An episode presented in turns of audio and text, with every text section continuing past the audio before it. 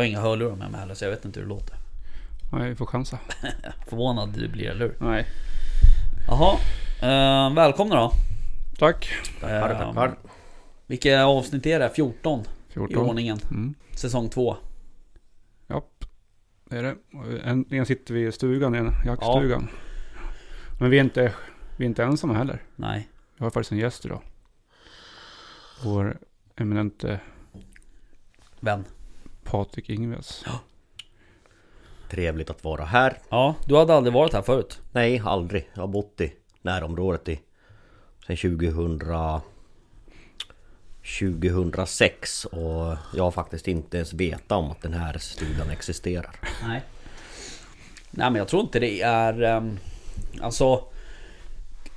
Den här, eh, de som är här och jagar. eh, Det är ju oftast ny utexaminerade. Eh, Och kommer man in i jakten från ett annat håll. Då kanske man aldrig liksom går förbi den här vägen så att säga med de här... Alltså typ som här jaktgårdarna och de här uh, Dag. dagkortsjakterna och sådär. Men eh, den ligger ju jävligt fint här uppe i skogen och det är ju liksom, vad är det? Fem minuter ner till Åkersberga centrum typ. Ja, typ. Så, ja så är det. Nej men det är skönt att vara tillbaks. Vi har ju varit ute, vi var hemma hos dig. Så var vi hemma hos mig. Ja, Eller tvärtom, vi var hemma hos mig först. precis. Så var vi hos dig. Mm. Mm. Men Men du, Så blir det ibland. så blir det ibland. Det var Ehm, trevligt det också. Jag tänkte vi ska först och främst så ska vi avhandla eh, din jakt. Som du hade helgen. Ja. Mm. Ja. Berätta. Ja, vad var det där? Jo, vi hade en jakt nere i Sörmland där på vår mark. Vi hade en så kallad dubbelhelg så vi jagade på lördag och söndag. Eh, Helvete vad varmt kaffet var. Satan, förlåt. Ja. Ja. Så vi var, var lördag så var vi nog eh, 26 passkyttar och 10 hundar som man skulle rodda ihop. Var det så några? Ja, var, var det faktiskt. Mm. Och vi hade faktiskt eh, två gästhundförare med oss också. Just det. Från Ottenäs kennel. Mm. Två Kristoffer. taxar. Mm. Mm. Det var ju spännande och intressant. Det var väl rätt segt i början på, Mm. på, på, på do, första släppet, första dagen där. Mm. Men sen så började det rulla på. Eh, mycket vilt, mycket dov, Mm. mycket hornbärande dov tyvärr. Mm. Såklart. Såklart, Mm. eftersom vi bara får skjuta hind och kalv Mm. För tillfället. för tillfället på vår mark. Eh, även fast på grund av att det är brunstuppehållet då. Mm. Eh, men en hel del eh, rådjur också observerats. Mm. Vad var det för, var det mycket hondjur eller var det bock eller? Var... Det var ganska blandat tycker jag. Ah, okej. Vad jag lyckas få. Eh, Man hör inte exakt alltid. Nej, Många rapporterar att det är rådjur. Vissa säger, ibland säger man att det är bock eller get. Ibland hör man inte alltid vad det är. nej. Sen var det en, en älgar och grejer också. Mm. Det var en eller två riktigt fina skovlar som var dovskovlar som Mm. visade sig också. Så Mm. eh, det var ju kul för framtiden. Mm. Ja visst. Så, Det är roligt. Ja, Det är bra. Det behövs Men- lite herrgrupperingar där ja nere. precis. Så att, eh, ja, men det sköts, det sköts eh, första såten sköts två rådjur Mm. bara. Det är inte så bara. Det är väl inte, nej, vi hade ju kunnat skjuta mer. Men eh, som sagt, det var det ju hornförbud så det blev, Mm. blev som det blir. Mm. Var det, vad, var det, vad var det för något som sköts? Var det... Eh, get och bock. Ja, var det bock? Hade en Ja. honen kvar eller? Ja, Mm. Det var en små, små bock. tror jag. Okej. Små horn. Mm. Ja. Men eh, ja, sen hade vi en till såt på lördagen och den eh, var det mest rådjur som var i ja. farten. Mm. Ingen vildsvin. Nej, Eh, det ska vi prata lite om. Ja, vi ska göra det. Det är någonting som bekymrar. Men det finns, Ja. det finns lite parametrar på varför det kan vara som det är också. Men det sköts eh, en dovhind sköts Mm. och ett rådjur. Mm. Så att eh, det var På, fyra sön- på lördag, på lördag. andra såten. Mm. Så totalt eh, fyra. Söndagen då? Söndagen var ännu segare. Jaha okej. Eh, det sköts en dovhind och ett rådjur Mm. på söndag förmiddag. Mm. Och eh, söndag eftermiddag eh, då sköts det ingenting. Vi, det var ett skadat djur som vi fick avliva. Mm. Det var i och för sig bra Ja, att ni sprang på det där. ja. Eh, Det måste ju vara påkört. Ja, det var nog påkört. Eh, Bakbenet var ju trasigt på det. Ja, Så att det var ju, uh, vad heter det, väldigt tunt. ja. Mådde inte så bra. För att hunden tog tag fick fast det där. Så att, Mm. Jag pratade med han eh, hundföraren här för någon dag Mm. sedan. eh, Och han hade ju tagit hem det där och pälsat av det. Det var ju väldigt liksom tunt och urmärglat. Mm, man såg ju på, på bilderna ut och, Mm. som de visade oss. Det var ju grönt och varit och sådär. Så det, det såg inte helt friskt ut. Eller, så det var nog en välgärning, eller det var en välgärning att vi fick avliva det där. Ja, så det var bra. Mm. Eh, Men du, det, vår gode vän eh, Ludvig sköt ju en räv också. Ja, just det. Och en räv Mm. glömde jag bort. Jag glömmer bort, glömma. jag glömmer bort rävarna hela tiden. Gör inte det? Nej, Eh, de är viktiga. Det är bra. Jag hoppas att han fick en, en extra klapp på axeln. Ja. För det. Absolut. Från jaktledaren. Ja, det fick... Ja, nej men så det, det var väl lite dov också på söndagen som var på farten. Så att, Mm. Ja precis. Ehm, Men det sköts ju ändå um, lite djur. Så det var bra. Så det var Ja. kul. Ni hade ju bra väder också. eh, ja, hyfsat väder. Vi hade ju så jäkla tur. Det var ju grått och disigt och regnet låg i luften Mm. i stort sett hela tiden. Eh, sen på söndag eftermiddag när vi bröt jakten då, när vi hade haft samlingen klar, då började det regna. Så att, det Ja, var ju tur. Ja. Oj, inte stängt av ljudet. Eh, så så var det. Vi Men såg det- ju även en kron. Möjligt en kapital. Det var svårt att se tydligen för pass, Jaha. passkytten. eh, Så att, eh, ja, det är kul. du, eh, men sågs det ingen kronhind? För jag fick någon rapport om någon, någon hade, att någon hade sett en Ja. kronhind. Det kan stämma. Mm. Det, jag har eh, fört ner det på Mm. mitt protokoll att det Ja, fanns det en kronhind också. Så att Eh, man hör inte alltid när man springer runt Nej, i skogar där och mm, jag vet. det ropas. Så är det ju. Ehm, Så är det ju. Men du, eh, Mm. var det mycket trafik? Alltså civil trafik? Du menar på marken eller? Ja, på marken ja. Ja, inte lika mycket som det brukar. Nej, Tycker jag inte. som det var första. Du var Först- inte med då. Nej. Visst, det, var ju, det, är ju, det är ju vandringsleder och cykelleder och Ja, det är motionsspår Mm. runt omkring. Så det, självklart var det folk ute, men jag tycker inte det var så farligt ändå. Nej. Vi eh, försökte hålla oss lång, borta från dem också så mycket Mm. vi kan. Att, eh, jag pratade lite med... eh, Alltså jag har funderat lite på hur man ska göra med det där med att liksom eh, gå ut med att man jagar.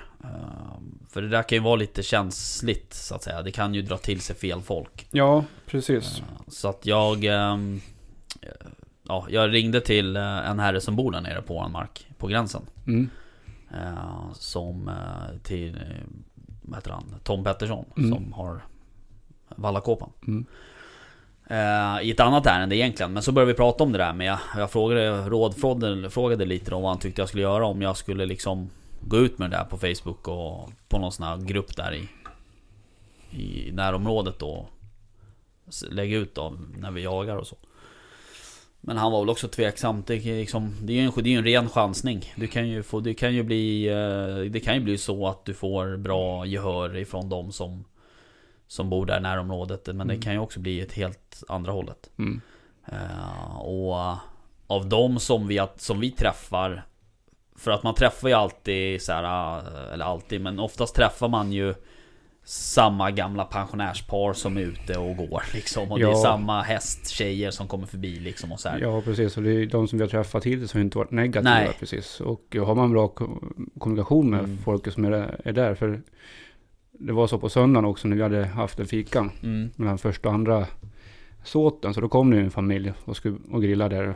Söndagsmysa tillsammans. Mm. Då informerade vi bara att vi skulle jaga där och, Mm. och vart vi skulle vara och så. Mm. Då var det ju bara positiva minnen liksom. Att Mm. det är bra att tala om och, Mm. och att men de jag tror att springer i det- skogen och så. Ja, jag tror att det är så eh, generellt sett. Liksom att, att folk tycker att det är... Och framförallt... Alltså framförallt i Sörmland tror jag att det är så. Framförallt om man säger att man jagar vildsvin. Mm. Det tycker folk är bra. Eh, nästan oavsett liksom. Men... Mm. eh, men, men det är ju det är ju en avvägning helt klart om hur man ska göra. Men det är likadant med skyltar på vägar och sådär. Ja, det där är ju lite... För att eh, jag upplever ibland att när du sätter ut en skylt med en sån här drivande Mm. Alltså du vet, folk skiter ju det. De, det är ju nästan så att de kör snabbare och närmare, skylt, närmare skylten liksom. Eh, Ja, det har jag personliga erfarenheter av. Mm. Efter att ha gått på de där vägarna för att skydda hund som var på väg över Mm. vägen. Istället för att de saktar ner och svänger ut så har de mer eller mindre gasat på och Mm. svängt mot mig istället. Det är inte roligt. Nej. Det var likadant i helgen också. Hade ju, nu kan det ju bero på olika saker, men skyltarna vi hade satt ut, de var ju nerkörda eller... Mm. De de låg ner. blåsta, Mm. det vet du inte kanske. Nej, exakt. Det kan ju vara att de har blåst kull av Mm. vinddraget såklart, men Mm. de låg i alla fall ner. Ja, det, nej ja, det man där är ju fan, eh, det där är lite jobbigt alltså. Ja. faktiskt. Men, ehm, men det var bra stämning tror jag. Ja, men absolut. Vi hade ju trevligt på kvällen på lördag kväll. Ja, ni sov över. Mm. Mm. Men du, uh, vildsvinen då? Ni hade ju inte ett enda upptag på vildsvin. Nej. Totalt Jättekonstigt. jätte, jättetomt. Möjligtvis har vi såg ett vildsvin. Ja. Men det var inte upptag, ingenting sånt. Nej. Så vi... Nej, det var... Och då släpps, du, alltså, du släppte ju ändå ganska rutinerade vi- vildsvinshundar Eh, och ja. även jävligt rutinerade vildsvinsjägare, alltså Ja, ja. hundförarna. Ja, det var ju... Vi var ju egentligen det som vi var ute efter. Så mycket som Mm. bör kunna... Att vi skulle få vildsvin på benen liksom. Mm. Sådär. Men och vi var på de ställen vi vet har funnits vildsvin Mm. tidigare om våren. Men som sagt, inte ett vildsvin fick Nej, upp. jättekonstigt. Och jag vet ju att han, ena hundföraren där, som är från trakten där så Mm. att säga. Han var ju och jagade på lördagen. Han var hos er på söndagen. Eller hur? Ja. Ja. Jag tror att han var och jagade på lördagen Mm. med sin grå tysk. Mm. Eh, Och då hade de ju för fan skjutit en 7-8 vildsvin av säkert en hälften av hans hund tror jag. Ja, ja, men alltså, det, ja, Så att den, den hunden Nej, vet vi ju brukar hitta vildsvin. ja, absolut. Det, det fanns inget inne. Nej, Och det har jättekonstigt. inte funnits Ehm, på ett tag. Vi, ehm, alltså jag tror att det beror på skogsavverkningen. Eh, för Mm. att det har, de har tagit ner väldigt stora områden där med skog, slutavverkning. Ja, det är absolut. Det är Eh, och de har tagit de där slutavverkningsområdena är ju mitt precis i där vi har haft boplatser tidigare så att Mm. säga. Där, de, där vi vet att det har fötts kultingar. Ehm, mellan sjöarna där. Ja, precis. Runt eh, den största sjön har, ju, har de tagit bort. Så att ja, det har varit eh, skogsmaskiner på marken sedan säsongen slutade Mm. förra året i stort Mm. sett. Så visst, det är en störning. Och då har de gallrat och tagit avverkning och Mm. undervegetation, Mm. skallring och Mm. röjning. Så då, det är klart det påverkar. Ja, annat. Sen ja precis. Sen så, det är många som jag pratar med som, som säger såhär Ja men Det har ju med Corona att göra säger de så här. Man, ja, man kan inte skylla allt på Corona tänker jag då men Men eh, många hävdar ju då att det är fler folk jobbar hemifrån Fler som är ute och rör sig och sådär men Jag tror fan inte det alltså Ja, Jag tror att eh, de där djuren Alltså när man jagar på en sån där mark En sån här stadsnära mark eh, Jag tror inte de bryr sig Alltså de har stenkoll på läget. Jag märker det från den här marken här uppe. Där jag jagar också. Det är också en stadsnära mark. Mm. Alltså rådjuren flyttar på sig när de har en hund efter sig. Mm. Annars så står de bara still. Mm. Jag tror att det är likadant för vildsvinen. Så kan det säkert vara. Tror jag. Men jag vet inte. Men det är som sagt, det finns många olika orsaker till att det ser ut som det gör. Men eh, någonting galet är det och det är nog största anledningen är väl skogsavverkningen antar jag. Ja, jag tror det. Eller maskinen som har varit igång hela tiden. Ja, jag tror det. Vi får se om det blir bättre här framöver. Ja, Eh, Det precis. tar en stund innan någon kommer Mm. tillbaks liksom. Men, men blir suggan störd då, drar, då tar ju hon med sig och drar liksom. Gruppen så att säga. Mm. Så att, ehm, ja, jag vet inte. Det får vi väl komma, Ja, vi får se. Komma läng- till. längre fram. Ja. Ehm, ja, nej, jag um, var, jag har ju inte jagat alls i helgen. Ehm, jag var ju på familjeaktivitet. Du har jagat jaktpoäng. Ja, exakt. De har ju redan blåst nu, för nu ska jag ju åka och jaga två dagar på Gräsö. Så att eh, det var ju liksom, det var bara en titt i kalendern Ja. för, för sambon där, så var ju de borta. Ja, okej. Ja. Vet Men, eh, men det ska bli jävligt kul. Eh, Jag var och köpte en väst till... eh, Eller jag köpte faktiskt eh, två. Jag köpte en på XXL. Nu kommer jag inte ihåg vad fan den heter. Men, men Till den, dig eller till hunden? Nej, till hunden alltså. Ah, okej. Ja. Ehm, för han vart ju, förra gången vi var på Gräsö så Mm. vart han ju helt paj under till liksom. Och det är så hög ljung där liksom och sådär. Och, och besvärlig terräng för, för sådana här småttingar. Som hunden. Mm. Eh, och... eh, Jag tänker inte säga något annat. Nej, det är. Eh, Men eh, då köpte jag en väst, eller jag var inne på XXL först. XXL och köpte en väst. Ehm, och den... Um, kommer inte ihåg vad den heter, men den var lite så här, hur ska jag säga? Lite slappare modell. Förstår du vad jag menar? Alltså Ja. den var liksom inte... Den är inte Alltså det, det, det är inga så här muddar eller den, den täcker, det ser ut som den här vanliga Haifene eh, modellen. Som, Mm. som är den vanligaste västen som man Mm. har till hundarna typ.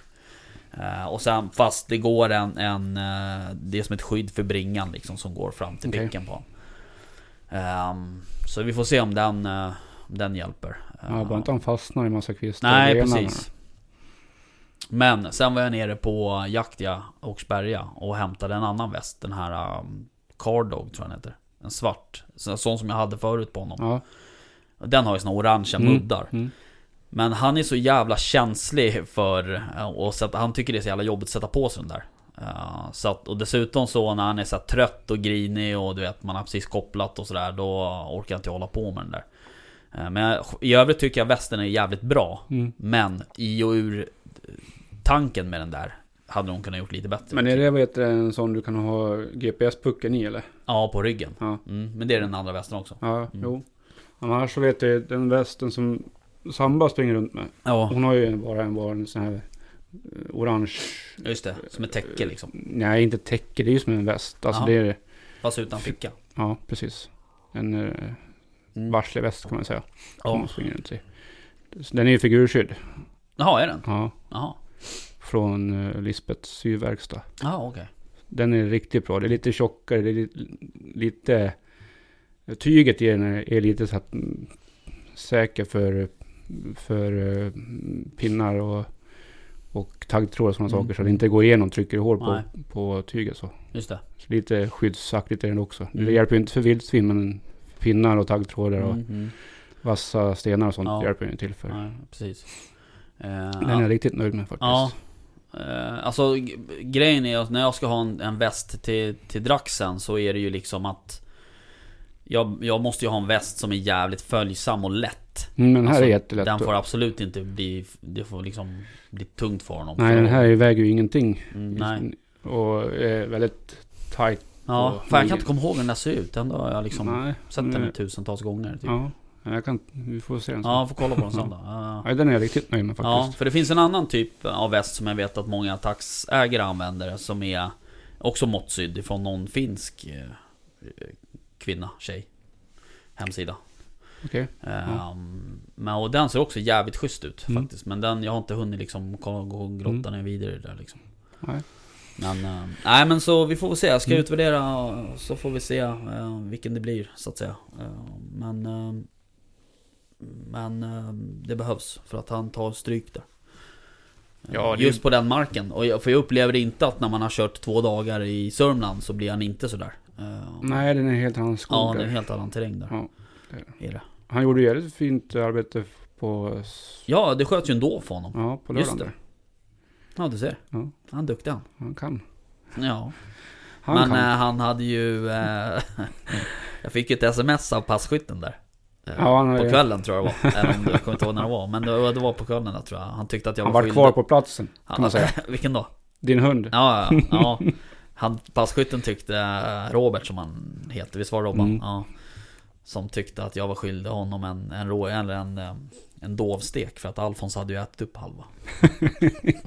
Men jag sa, jag sa det, jag sa det för att det var ju vår kompis Mattias som... Ja, eh, fick äran att gå med honom. Exakt. Han fick ja. känna på hur det var att jaga med en tax. Ja, precis. Eh, nej, men jag brukar alltid säga det att skjuter man för Alfons, då måste man vara där ganska snabbt. För han, har det där beteendet. Ja, okej. Äter han inte på halsen, då är det i bak liksom. Ja, ja, ja. Och eh, är djuret dött, då blir det oftast i bak. Är Mm. djuret lever det liksom, då blir det oftast runt halsen. Mm. Eh, men ehm, det är som det.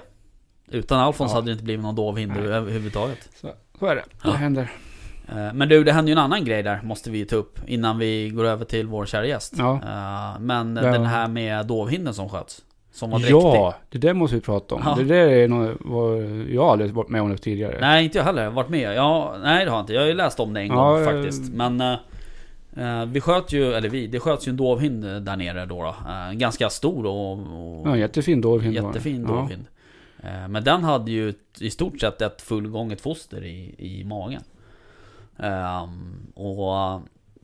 Ja, jag läste ju lite om det. Jag skickade någon länk till Ja dig precis, där. för jag hade ju aldrig sett det förut, Nej. eller hört talas om det förut. Nej. Och du, du hittade någon länk till Mm. en gammal artikel från 15 tror jag var.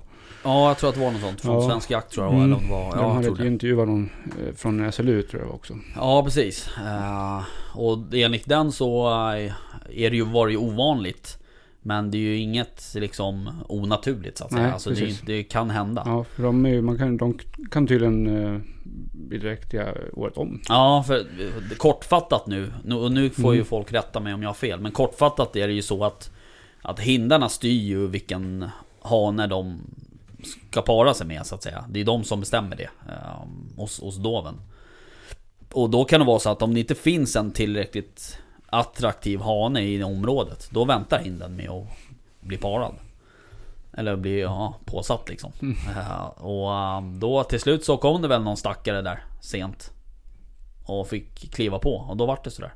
Ja, som vart det direkt tidigt i år i sådana fall då. Ja, det är ju så det måste vara. Mm. För Ja. De är väl dräktiga runt ett halvår eller Ja, någonting. precis. Så tidigt i somras måste det bli. Och nu brunstar de. Mm. Typ nu. Det var det som jag så reagerade på. Fan, de kan ju inte vara Det jävligt, gå, gått jävligt snabbt. lång, gånget när det är brunsten är Nej, nu liksom. Så. Nej. Så det är nog så felaktig Mm. tidpunkt att födas nu som det Ja. någonsin kan vara. Ja, precis. liksom alltså- ett halvår. Mm. Den hade ju fö, fötts mitt i vintern i stort sett och den Ja. hade ju knappast klarat sig. Nej. Men det hade Nej. så att ja. Men eh, jag såg ju bild på det där. Mm. Eh, och det är väl inget vi ska lägga upp direkt. Men eh, den, den var ju liksom... Det är svårt att bedöma storlek sådär på bild när man tar det rakt uppifrån. Men, men den såg ju, vad ska jag säga, fin ut så att säga. Alltså välutvecklad ut absolut. det där fostret. Absolut. Och man såg ju päls och, och Ja, hon skulle nog säkert skiten. föda om några, några veckor. Ska jag tro. Ja. Ja, udda händelse kan man ju säga. Mm. Men som sagt, det händer. Så det är väl bra att man...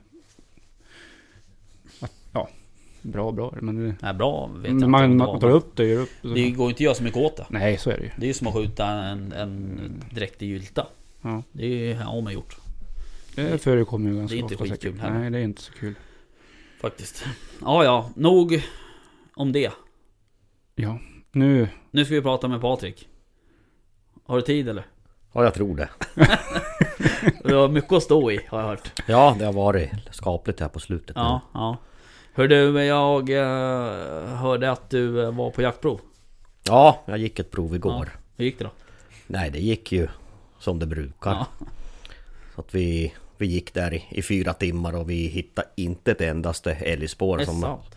som det var någon vittring i så det, det vart dumt. Ja. Men eh, ja, det gör ju absolut ingenting faktiskt för att eh, hunden visar upp bra sök och, Mm. och allting funkar så. Och den där är lite sån att är det vittring så då visar han inte upp något sök överhuvudtaget utan då brukar han kunna ta det där spåret.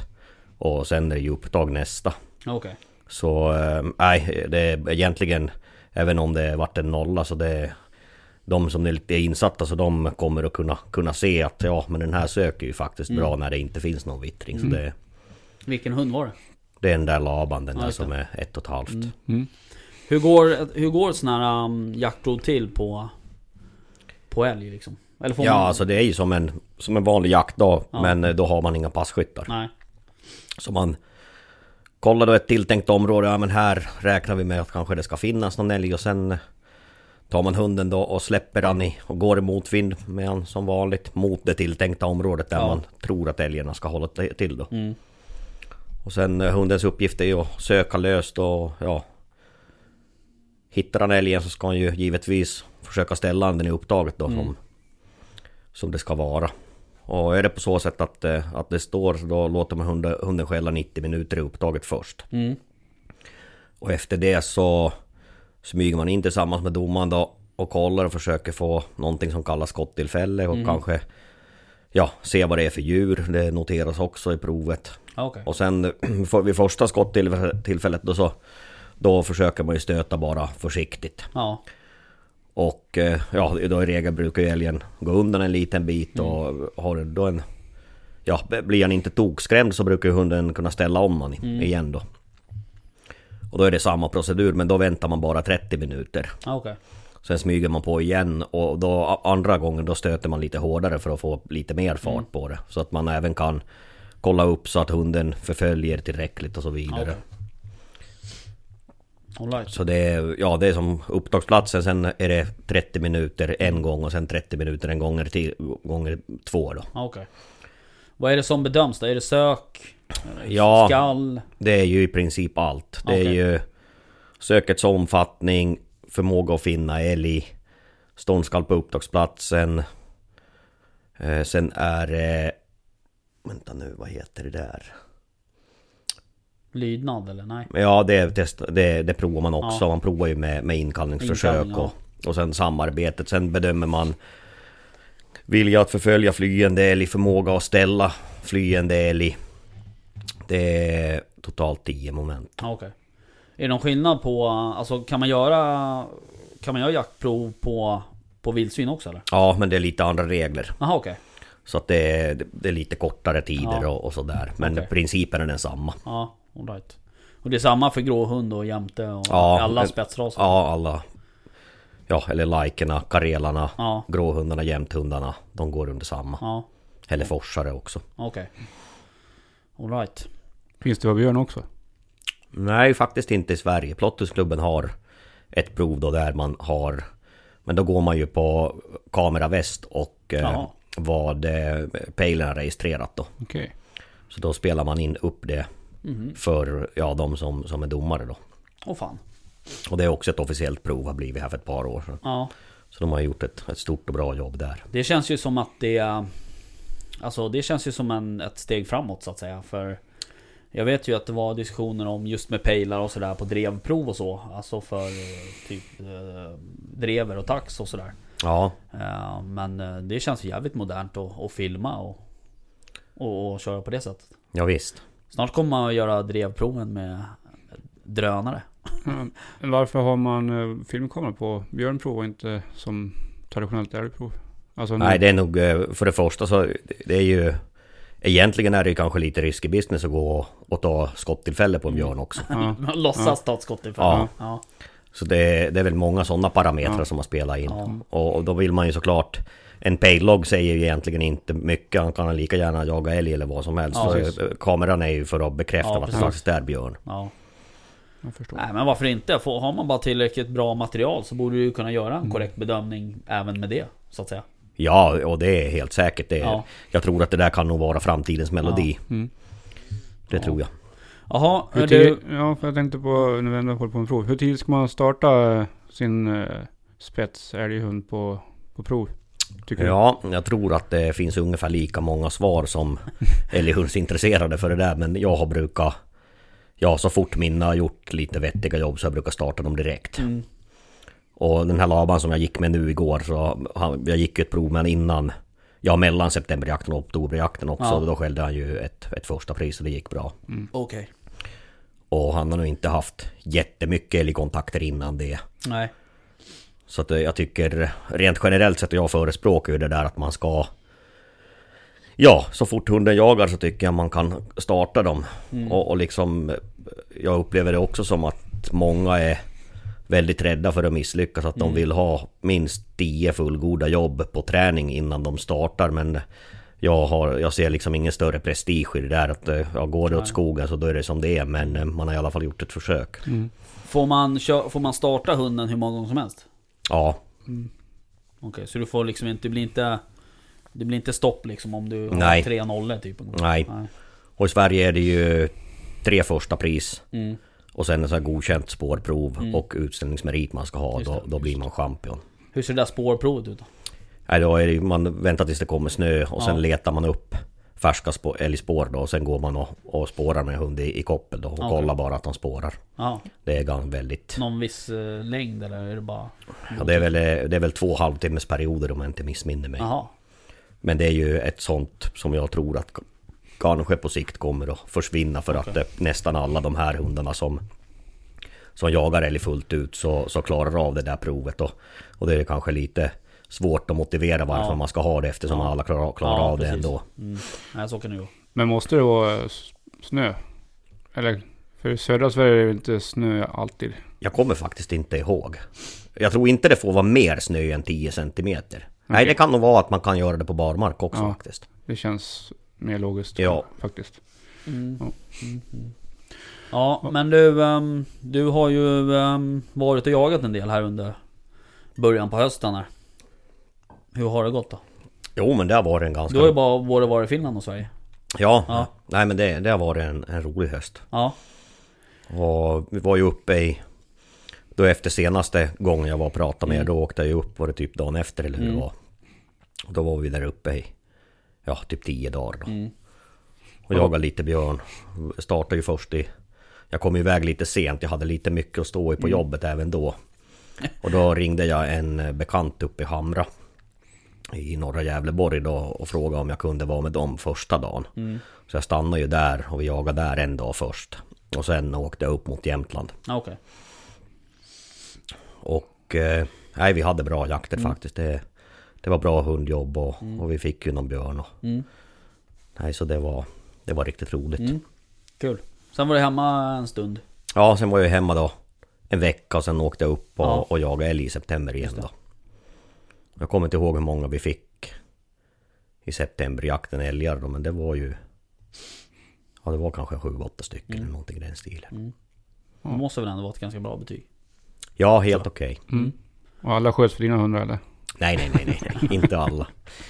I björnjakten sköt vi ju en björn då för, för gammelhunden. Mm. Och eh, jag tror vi fick, undrar om inte vi fick sex totalt. Mm. Men vi har ju de senaste åren har vi ju faktiskt medvetet prioriterat de här yngre hundarna lite mer och gett dem kanske de bra chanserna i första hand. För att det är ju liksom, ja, ska vi bara köra med de där gamla säkra så då är vi ju snart hundlösa hela Ja. högen. Ja. Det är bra tänk. Ja. Tycker jag. Och eh, jag hade två, två bra chanser med, med Ragge då. Mm. Första gången då vart vi eh, tillfrågade om vi ville komma och jaga till ett ställe som hette Lövberga. För att där hade de haft någon björn dagen innan. Och ja absolut, då, då åkte vi dit till kompisen där. Mm. Och eh, ja, då hade vi då bestämt att men i det här området ska han finnas. Och då postade vi ut på morgonen. Eller skulle posta ut. Och några utav, utav kompisarna då skulle gå och, och gå med kopplad hund. Och när vi håller på och postar ut, då kommer det en björn utifrån in i det området Jaha. som går förbi en passkytt. Bara okej. liksom på måfå. Ja. Och jag råkade ju vara närmaste gubbe, jag då. Och jag hade ju hunden i bilen, Ja. gammelhunden. Och det där tänkte jag, men det där är ju som rena straffsparken. Det är liksom fem minuter gamla Ja. spår. Och jag släppte han. Och han for ju som skjuten ur en kanon direkt. Och det kom ett upp då bara 200 meter in. Ja. Och eh, givetvis skenade ju som fan. Mm. Och en kompis fick ju en, en, ja, en älgtjur i pass då direkt Ja. efter. Så han, eh, ja, björnen gick in i området och det, det måste alltså stått en, en älg på spåret. Ja. För att eh, visst, han jagar ju älg också Ja. men, eh, men det är inte så att, att han byter från fem minuter gamla spår om han Nej. inte får synkontakt med Nej. en älg. Så det vart ju älgjakt. Och han for ju därifrån och jag satt ju där och, och halvgrät på, Ja. på vägen på passstället. Och sen så tog vi dit en annan hund, en norsk hund. Och släppte den då på spåret och det är en sån som inte jagar älg. Nej. En grå hund är med. Och han, han kunde ju hålla rätt Ja, och sen vart det ju upptag och ståndskall så hundföraren sköt faktiskt den björnen på Okej. stånd då. Så det gick bra. Ja. Ja, kul. Fan lustigt ändå att... att det krävs jävla lite ändå på något sätt liksom att man Ja. ska byta. Och just den där själva situationen var ju liksom oddset att Ja. du, du står där och, och ska jaga björn och då Ja. kommer det en björn liksom och, och dessutom går in i det Ja. området vi ska jaga. Ja. Ja, Ja, sen att, att en älg går och ställer sig på björnspåret också då. Ja men den kan ju ha... Nu vet inte jag hur björnar jagar men den kanske vindade den där älgen och var på väg in för att äta den. Det är nog faktiskt inte första och inte sista gången det där händer. Det känns som att de ofta när de går på, på nattspåren också så är de uppe i älg och sådär. Så det, det är jäkligt ofta. Vi har sett någon gång på hundkameran också. När det liksom en hund, vi har sett björnen i, i hundkamerafånget på sken. Och hunden fem, fem meter efter. Och då har han i princip sprungit rakt in i älg. Från det att vi har sett en björn på filmen Ja. så hade det kunnat på 20 sekunder vara att vi har sett älg. Ja ja. Så att det, är nog inte ovanligt att de gör den där Nej. typen av grejer. Sen om de gör det medvetet Nej. eller ja, det har ju man Nej. ingen aning om. Nej. Men, och det är många andra som säger samma sak. Att det är liksom mer regel än undantag Ja. att de faktiskt eh, går på det där sättet. Ja. Kan man se liksom Det kanske vi pratade om förra gången men, men unga hundar kontra Eller unga björnar kontra äldre björnar Om de har liksom olika beteenden på, vid upptag och sådana där saker Om de är mer eh, lätta att skälla ståndskall på Ja, alltså generellt sett eh, så pass mycket kan man ju generalisera att det är i alla fall väldigt mycket vanligare att en stor björn står i upptaget än att en liten gör det. Okej. Sen kan även en liten kan stå men även en stor kan skena. Men Ja. eh, generellt sett så är det ju oftare de där stora står bra. Mm.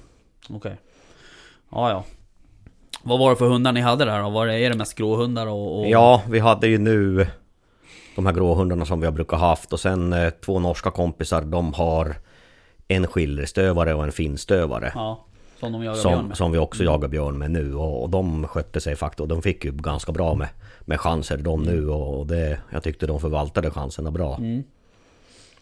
Ja det måste ju vara en, en ganska lämplig hundras på något sätt. Eh, Ja alltså om vi pratar de här nordiska stövarna så kanske att det kan vara så att de nu om man generaliserar igen då att eh, de kanske inte är så benägna att skälla på dem när de står men Nej. väldigt många av dem för det första spårar riktigt, riktigt Ja. bra på nattspår. Kanske, ja eller eh, egentligen de är mycket bättre spårare under förutsättning de har viljan än, än vad en spets är.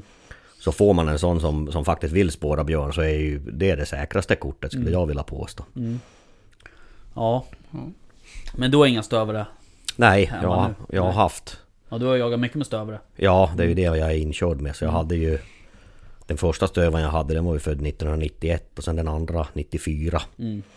Och eh, den jagade ju räv med och, och, och den, var, ja, den var bra på lodjur också. På den Okej. tiden hade vi eh, ja, lodtilldelning hemma där jag kommer ifrån. Så Ja. det, det vart mycket lodjursjakt med den. Ja, jag har ju fått, apropå lodjur så har jag fått rapporter härifrån våra krokar Är så? Mm. Mhm. Att det förekommer Okej. Ja. Ja, det är nog inte... Och en kompis till mig som såg ehm, Vad heter det? Hona och eh, unge på, eh, jag kommer inte ihåg om det var i början på oktober någon. Jaha. Gick Ja. förbi passet. Mm. Det var väl inte jätteförvånande egentligen. kanske. Nej, det är det ju inte. Men eh, Tråkigt. ja, ja, alltså ja, det är ju som det är. Mm. Det är som det är med den saken. Jaha, men du eh, tillbaks till, eh, till, vad heter det, till spetshundar då, då Som du håller på med. Jag tänker på, vi har ju, la ju ut här att, att du skulle vara gäst på Instagram.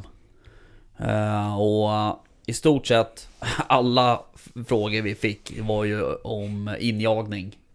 och hur man ska tänka när man väljer ras och individ liksom sådär. Okej. Ehm, och det där finns det ju säkert tusentals svar på liksom. Men, men eh, om man säger till, till dig då liksom hur... Om, om du skulle ge dina, dina bästa tips för att jaga in en hund. ehm, är, det, är det samma injagningstaktik oavsett om du ska jaga älg eller björn? Eller har det med präglingen att göra eller? Ja, alltså... Om vi nu pratar först och främst det här med, med prägling och injagning och allt det där. Ja, så att eh, jag tror ju att eh, den bästa, eller präglandet kan man nog börja på då redan när de är i valplådan. Som jag nämnde i förra avsnitt så har jag en kompis som smörjer in eh, tikens eh, juver med björnfett Mm, när de är jätte, jättesmå och ska Ja. dia. Och jag tror ju faktiskt stenhårt på den där typen av avdramatisering. För Ja. att det, det är ju, björn är inget naturligt vilt för en hund att jaga egentligen. Nej. Så det skadar nog inte att och, och låta dem bekanta sig med den lukten Nej. så mycket som möjligt. Och, och kanske framförallt under positiva former då liksom leka med Mm. diverse skinntussar och Ja. you name it. Ja, Sen ska jag låta det vara osagt om den har någon större betydelse men jag är Nej. ganska övertygad om att det inte skadar i alla fall. nej precis. Men... ehm, Alltså om man, om, om man ser till präglingen då, då så att säga Spelar det någon roll egentligen vad man präglar på? Alltså oavsett om det är björn, vildsvin eller älg? Tror Nej, alltså jag tror ju generellt sett så Så hundarna lär ju sig på ett liknande sätt Ja. oavsett vad man vill. Ja. Sen kanske det krävs lite olika egenskaper av dem för att, att bli, bli bra på ett, på ett visst vilt Mm. och, och så vidare. Ja, men ehm, hur, eh, hur tidigt ska man börja med med injagning då. Så att säga. Det beror på när hundar kullen föds också i och för sig då såklart. Men så att man får en, att man har en valp då som är 9-10 månader i, i liksom augusti, september. Alltså jag är... När det kommer till jakthundar generellt sett så är jag ju sen jätte, jättelänge förespråkar de här hundarna som jagar tidigt och, och, och gör det fortfarande när det kommer till diverse drivande hundar och även älghundar faktiskt. Men när det kommer till, till injagning på björn så där är jag faktiskt eh, inte utav den åsikten Nej. att man ska, man ska prägla dem och liksom jag tar fram dem till skjutna björnar, man kan spåra björnar och ja, göra alla den typen av aktiviteter. Men jag tror inte det är särskilt smart då att släppa dem på en björn när de är unga. Nej. Utan då ska de nog faktiskt vara, vara mogna i huvudet på Mm. riktigt. Ja för att jämför man arbetet med en älg och alltså kontra en björn till exempel. Så måste ju hunden ha huvudet med sig kan jag tänka mig när den jagar björn. Alltså ja, älg... den, den måste nog ha det med en älg också. Men Ja. jag tror att Ja. just ur mentalt om man pratar det, motståndet ur ett mentalt perspektiv Mm. är bra mycket tuffare när det är en, en björn. Mm. Och, och då, då liksom, då måste de ju vara mogna i, i, i skallen för att klara av det. Mm. Jag släppte faktiskt den där laban nu, när Ragge skällde då. Mm. Och eh, Han är ett och ett halvt va? Så. Ja, han är Ja. ett och ett halvt nu. Och eh, jag hade egentligen inte tänkt släppa han. Och jag hade ju haft han till, till några skjutna björnar då sådär och ja, han, jag tyckte inte hans agerande vid de där skjutna Nej. björnarna var särskilt bra. Inte direkt jättedåligt heller, Nej. men inte så att jag, jag kände att wow, det här kommer att bli världens hund. Nej. Men eh, i vilket fall som helst så, så fick jag ju en annan bra chans förutom den där som, som Ragge klantade till då. Då hade vi också ett spår. Och eh, då bestämde jag då att eh, då ska jag släppa båda. Både gammelhunden och, och, och Laban då. Jag, jag kör aldrig två hundar i vanliga Nej, fall utan jag, jag har alltid kört bara en. Ja. Men just när det kommer till, till björnarna så tror jag faktiskt att det är en fördel om, om man kan erbjuda de första kontakterna tillsammans med, Mm. med någon. Och de, de, de där står ju i, i samma hundgård så de är ju liksom verkligen världens polare. Så Mm. Ja, tänkte, precis. "Nej, men nu har jag bra läge. Mm. Och jag släppte ju dem då, släppte Ragge först för att eh, han är inte riktigt bra om man har en hund framför sig. Nähä okej. Så då, då släppte jag han först. Och kanske fem minuter senare släppte jag Laban och han tog ju det där, Ragge tog ju spåret och stack. Och Laban tog kanske 300 meter, sen vek han av. Och då var ju kolla, då var det ju ett älgspår där. Ja. Så han hamnade ju någonstans långt åt, ja, jag vet inte vad. Och Ragge fortsatte, han for väl tre kilometer, sen började han skälla. Och det stod i upptaget. Och eh, då smög jag in där tillsammans med en kompis. Och vi var inne där i, ja, säkert två timmar. Som närmast var jag på mindre än 10 meter. Och de där två timmarna på mindre än 100 meter hela tiden. Ja. Björnen flyttade sig bara liksom ja, 20, 30, 40, 50 Ja. meter och, och liksom Det var som ett garnnystan hela, hela Ja. pale-displayen till slut för att han, han for ju liksom ingenstans. Den, den gick bara fram och tillbaka och jag försökte komma åt, jag fick inte ens se han. Åh fy fan. Jag hörde han flera gånger hur bra som helst liksom stod bredvid hunden men han hade verkligen valt de värsta ställena man kan stå på. Fy fan. Och eh, då började vi ju prata då för att eh, vi hade ju passkyttar runt om då. Ja. Och då började vi ju prata att, ah, men ska vi försöka kanske släppa på en till hund? Ja. För att få lite rotation i det, för att han, han ville ju verkligen inte lämna det där lilla området. Det var kanske tre hektar där han höll på. Jaha. Ja, och då, men då kollade jag på pejlen, då såg jag ju att den där laban kom ju faktiskt i i Ragges spår då. Han hade varit på någon tur någonstans. Jag tittade inte ens på pejlen vart han var under Nej. tiden. Men då, då plötsligt så började han närma sig. Och, och då kom han ju dit. Först passerade han mig och då for han. Då hade jag Ragge på 200 och stod och skällde där. Då for han dit och jag såg att aha, nu kom han in. Mm. Och stannade upp där och stod länge på, på pejlen då liksom. Och sa inte ett ord. Sen började han skälla lite försiktigt då. Mm. Och det vart ju bättre och bättre och han skällde ju faktiskt riktigt bra sen efter ett tag. Och då vart ju björnen som förväntat lite orolig. Ja. Och då började han ju gå och bägge två gick ju då och skällde gångstånd på honom. Jaha. Och passerade mig igen på 20 meter. Och jag, inte ens då fick jag se honom. Det Det, var, det var helt alltså. otroligt. Ja. Och... Eh, ja, efter det där att han passerade mig där, då tror jag det var som sista niten för att då, Ja. då vart han orolig för att då, då flyttade han, då vart det sken. Ja, Okej. Och bägge hundarna efter. Mm. Och Laban var ju faktiskt före Ragge en, en bra bit där också ett tag så han var nog lite sugen på att Ja. jaga den där på riktigt. Mm. Men då till slut så kom Ragge förbi Laban och eh, då vart det som Laban avhängd då. Så han föl- förföljde kanske två kilometer. Och sen tog han bakspåret och kom tillbaks till mig. Okej. Eh, Medan Ragge fortsatte då ytterligare kanske en kilometer och då stannade det igen då. Ja, okej. Och... Eh, ja men det, det vart ju faktiskt väldigt bra det där för att han vart ju aldrig... Laban vart ju aldrig liksom skrämd av honom på Nej. så sätt utan han, han slutade ju inte på grund av det att han mötte björnen utan han... Han slutade helt enkelt efter två kilometer förföljande att ja, det inte var tillräckligt intressant. Nej. Men han vart ju aldrig som slutkörd eller knäckt för Nej. att jag tror att de där första kontakterna det är det största misstaget det är att, att låta dem verkligen köra järnet, järnet, järnet tills det är helt tomt i tanken. Mm. Bättre kanske på det där sättet att de inte tömmer sig. Nej, så Nej, det, det är ju ganska logiskt Ja, det tror jag också. Ja. Men hur viktigt är det liksom att... eh, För, för det debatteras det ju hela tiden om. Hur viktigt det är att skjuta för, för sin ung hund tidigt liksom. Eller du vet.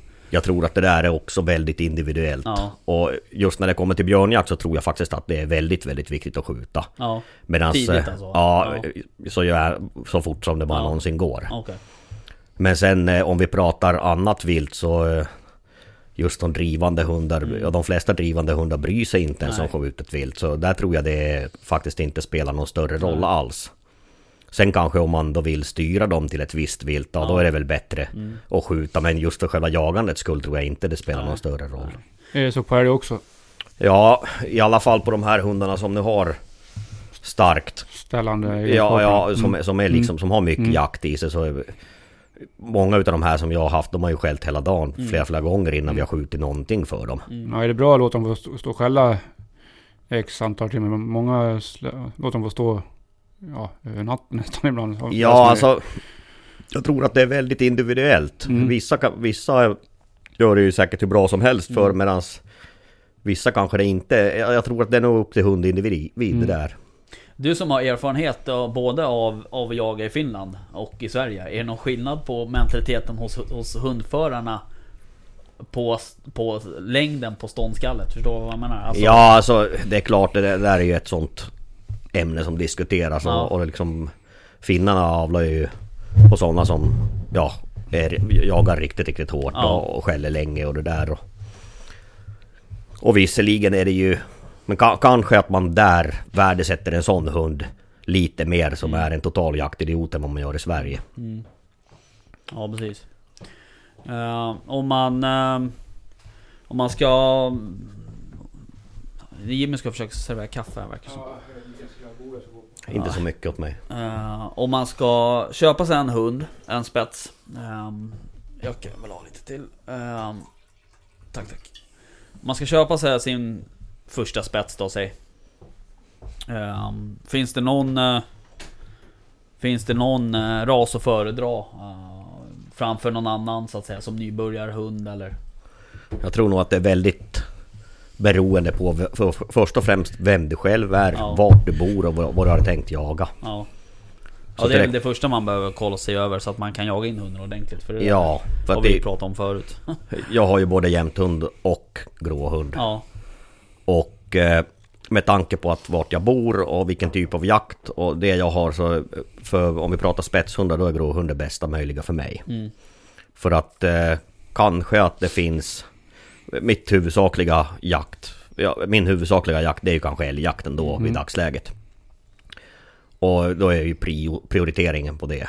Och liksom ska jag då bara satsa på att jaga björn så ja det blir liksom ganska svårt när man Ja. bor i, i Åkersberga. Ja. Så då har jag valt att köra gråhund för att ganska många av dem har potential att- fungera även på vildsvin och björn. Varför Och- inte? Varför? Ja, Och skulle jag, skulle jag enbart jaga älg så, så skulle jag ha jämthund.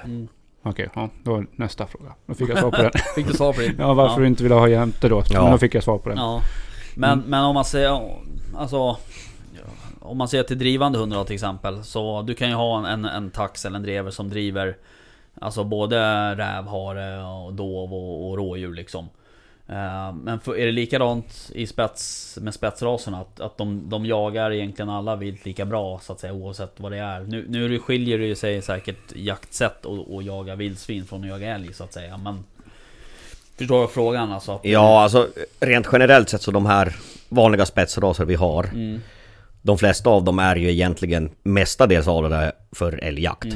Och, och sen finns det visserligen individer då inom samtliga raser som kan bli sjukt dukti- duktiga även på, på björn och vildsvin.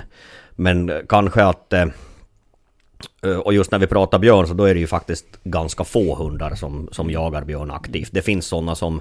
Ja, stöter de på en björn så visst, de skäller på men det är liksom ingen... De söker inte dem aktivt. Nej.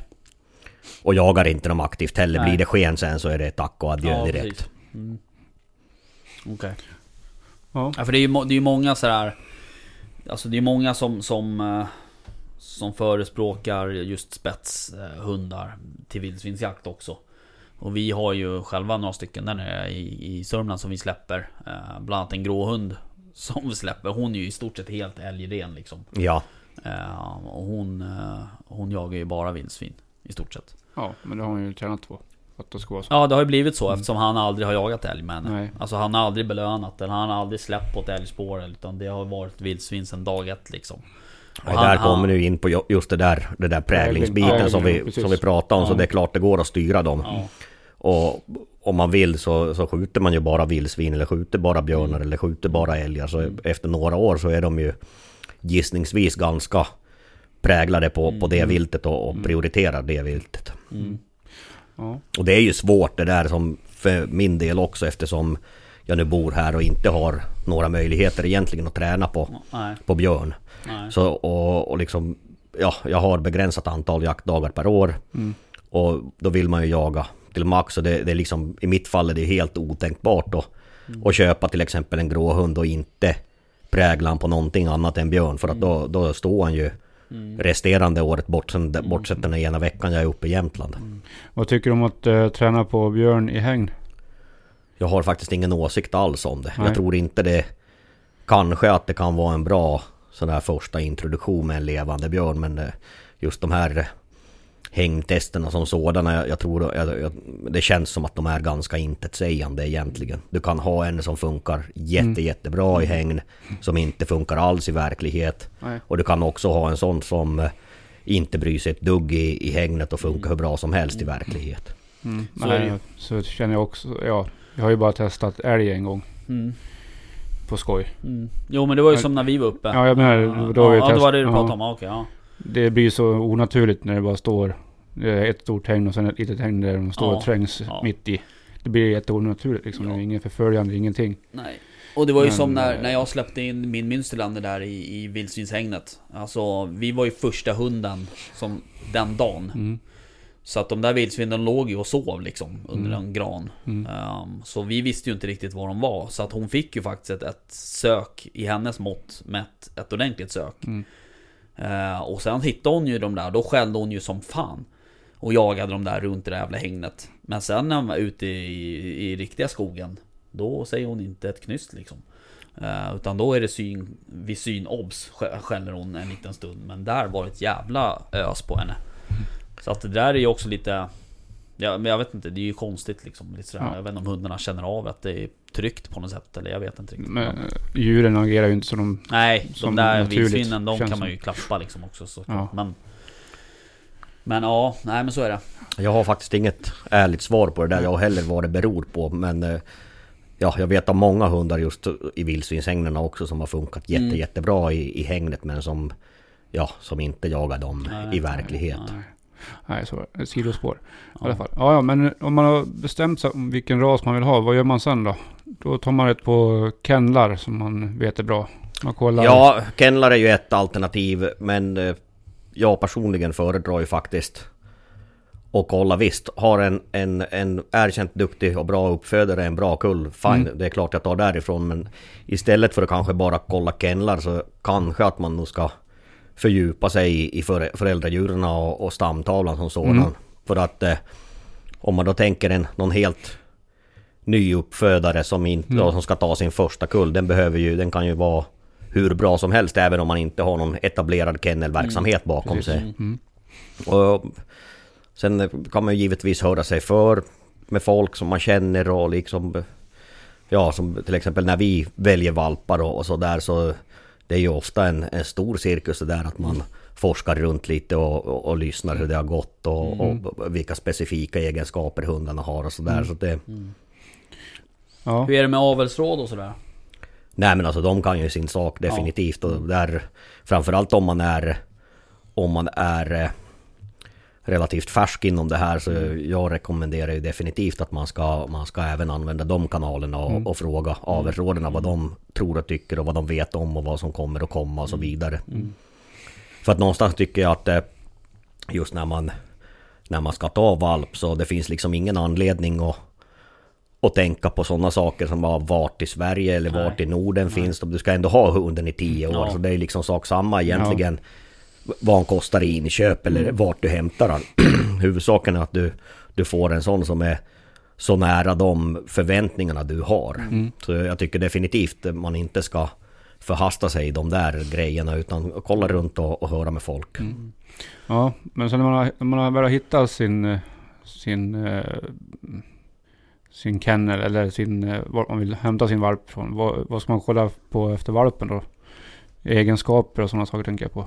Vad Ja, då kommer vi in, igen in på de här Att det är lika många åsikter om det Ja. där som, som valpväljare Men Ja. jag, jag brukar personligen titta på Ja, desto lugnare de är det, det är liksom Jag gillar de där hundarna som är ganska sådär oberörd Mm. Vad som händer runt om dem och, och jag tycker inte de ska inte vara överdrivet vilda och ja, de kanske inte ska vara rent apatiska heller. Men, eh, men liksom det ska vara sådana som är, som är trygga. Ja. Ja, de ska bete sig tryggt. Ja.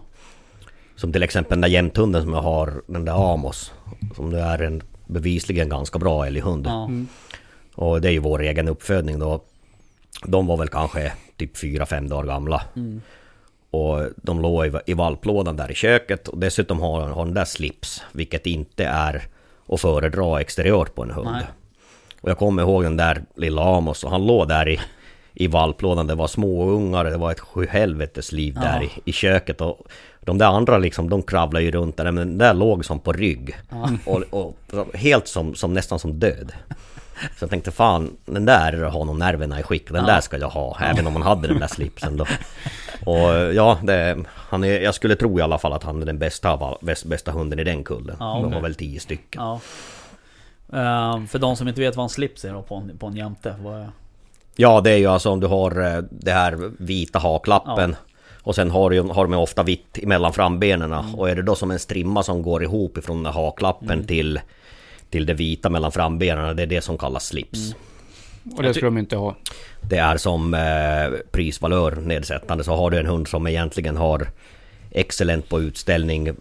Men har han slips då, då blir det bara very good. Så det, det liksom sänker, sänker utställningsresultatet ett snäpp.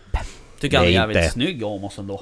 Ja, rent kroppsligt ja, Ja. men han är ju, han är ju svart och sotig så att... eh, Ja. Jo men det är... men men det är- han är jättefint byggd. Ja, ja. Ja, det är roligt. Men eh, hur är det liksom med storlek och sådär på valpar? Jag tror att det är... Vad har du för erfarenheter där liksom? De kan ju skilja liksom en del så att säga. Ja, jag tror egentligen... Det är i alla fall sånt som jag, just storleksbiten, brukar inte titta på. Nej. Och sen kan de ju växa olika också. Att det, det kan vara så att en valp kan vara jätteliten när han föds och, och, och liksom kanske hamnar efter. Men det, det, man kan ju sällan säga när de är fyra veckor gamla till exempel att den där kommer att bli störst och den där minst. Nej. Och sen de jaktliga egenskaperna ändå så Det sitter nog mestadels mellan öronen det så det jag, och och jag är ingen Jag är inte intresserad Utställningsverksamheten eller den Nej. exteriöra biten För mig räcker att de ser ut som Ja, rastypiska Ja, Mm. ja precis. Ja. Men eh, det är samma sak där också. Tik eller hane, det är också... Det skiljer sig åt vad man ska ha. Har jag ju haft bägge delarna Ja. men nu för tiden har jag bara hanar Mm. Och eh, det, De passar mig bättre Mm. Sen ska jag inte säga det Ja, det är ju lika många Nästan lika många tikar som blir lika bra som hanarna Och även det där bra, det är ju också ett subjektivt begrepp Jo, såklart. För att eh, det kan ju också vara så att du har en hane som jagar jätte, jättehårt Mm. Och sen har vi en tik som jagar kanske lite, lite lugnare och, och eh, kanske inte håller i så länge. Nej. Jag tycker den där hanen som... Jag tycker den hunden som håller i längre är bra. Medan en annan kan tycka att han är helt värdelös medan den där tiken är helt perfekt. Mm. Ja. Men just mig passar hanhundar bättre. Mm. Ja. Hur gör man sen då när man har fått hem valpen? Nu börjar ju när man ska få en bra kontakt med hu- hunden såklart. Ja, Och sen, det, ja. Det tror jag faktiskt är ganska avgörande och, det har jag väl märkt lite grann själv med genom åren att har man möjlighet att engagera sig lite när de är unga och faktiskt bonda med dem och, och vara lite polare på riktigt så det, det är helt klart bättre Mm. för framtiden. Det blir avsevärt mycket enklare att få till alla grejer så som inkallningar och den Ja. där typen av grejer när de faktiskt när man är riktigt, riktigt tight med dem. Mm. Man ska vara med och Ja, man ska vara med överallt man vi är. har ju haft lite problem. Vi har ju haft eh, allergier inom familjen och sådär så vi har inte kunnat haft hundarna inne och sådär och, och det märks ju lite grann med mina för att jag, jag har generellt sett genom åren alltid brukar få dem att jaga. Nästan alla. Men eh, just inkallningsbiten och sånt har ju, ja och, och lydnad och det, det, det har jag aldrig kunnat med. Nej. Sen tror jag det är en kombination av även mig som person. Ja. Att jag, jag, liksom, jag orkar inte vara tillräckligt konsekvent med det Nej, där. Nej, jag är lite likadan faktiskt. Ja, Men jag vet ju, jag kommer ihåg Jag var ju med dig för tio år sedan eller vad det var när vi jagade en ragge där på, Mm. på Grävling och då var det ju ett jävla rännande. Eh, För att det var, då han ville ju inte sluta jaga liksom. Ja, Och då, men, men det är ju, det är ju som du säger och, och Alltså Det är likadant Det är likadant för mig med Affe egentligen Eh, Nu har ju han alltid varit uh, innehund Eh, Jag hade ju hundgården till tyskterriern men, men eh, När vi flyttade till huset och tog hem Affe då hade, då hade han ju varit inne liksom. Men eh, han, han går ju inte att kalla in. Däremot så kan man ju stoppa honom eh, istället. Att man får liksom ropa åt honom och stanna. Men att försöka få in honom, att han går till mig Det händer i stort sett inte. Utan jag får gå till honom Men jag kan ropa åt honom på 70 meter att han ska stanna. Då stannar han ju. Men sen får jag gå och hämta honom. För att, att han kommer till mig, det finns inte liksom Däremot så stannar han ju och sitter och tittar på mig när jag går och hämtar honom ja. Så att det där det är lite lustigt hur de, hur de beter sig då Men ehm, Ja men det är ju en träningssak. Jo absolut, så är det ju. Mm. Men sen är ju, alltså jag, jag tror ju också det är lite... Du vet ju hur han är, han är inte direkt... Han är ju väldigt kontaktsökande mot vissa. Mm. Som dig till exempel. Mm. Dig ska, och Hugo, våran andra på. De, det är ju liksom sitta i knät och slicka i ansiktet. Sen kan vissa andra komma. Eh, som typ min farsa. Honom vill han ju inte alls gå närheten av typ ungefär. Nej. Så att ehm, han är ju väldigt sådär speciell. Han väljer ju de han vill, vill umgås med liksom. Eh, jag tror att det kan vara så lite i skogen också. Så kan det säkert vara. Det är nog olika med dem faktiskt lite hur de är. För att Ja. om jag tänker på Amos och Ragge, de där två äldre jag har. Så de är ju väldigt sådär oberörd rent Ja. generellt sett.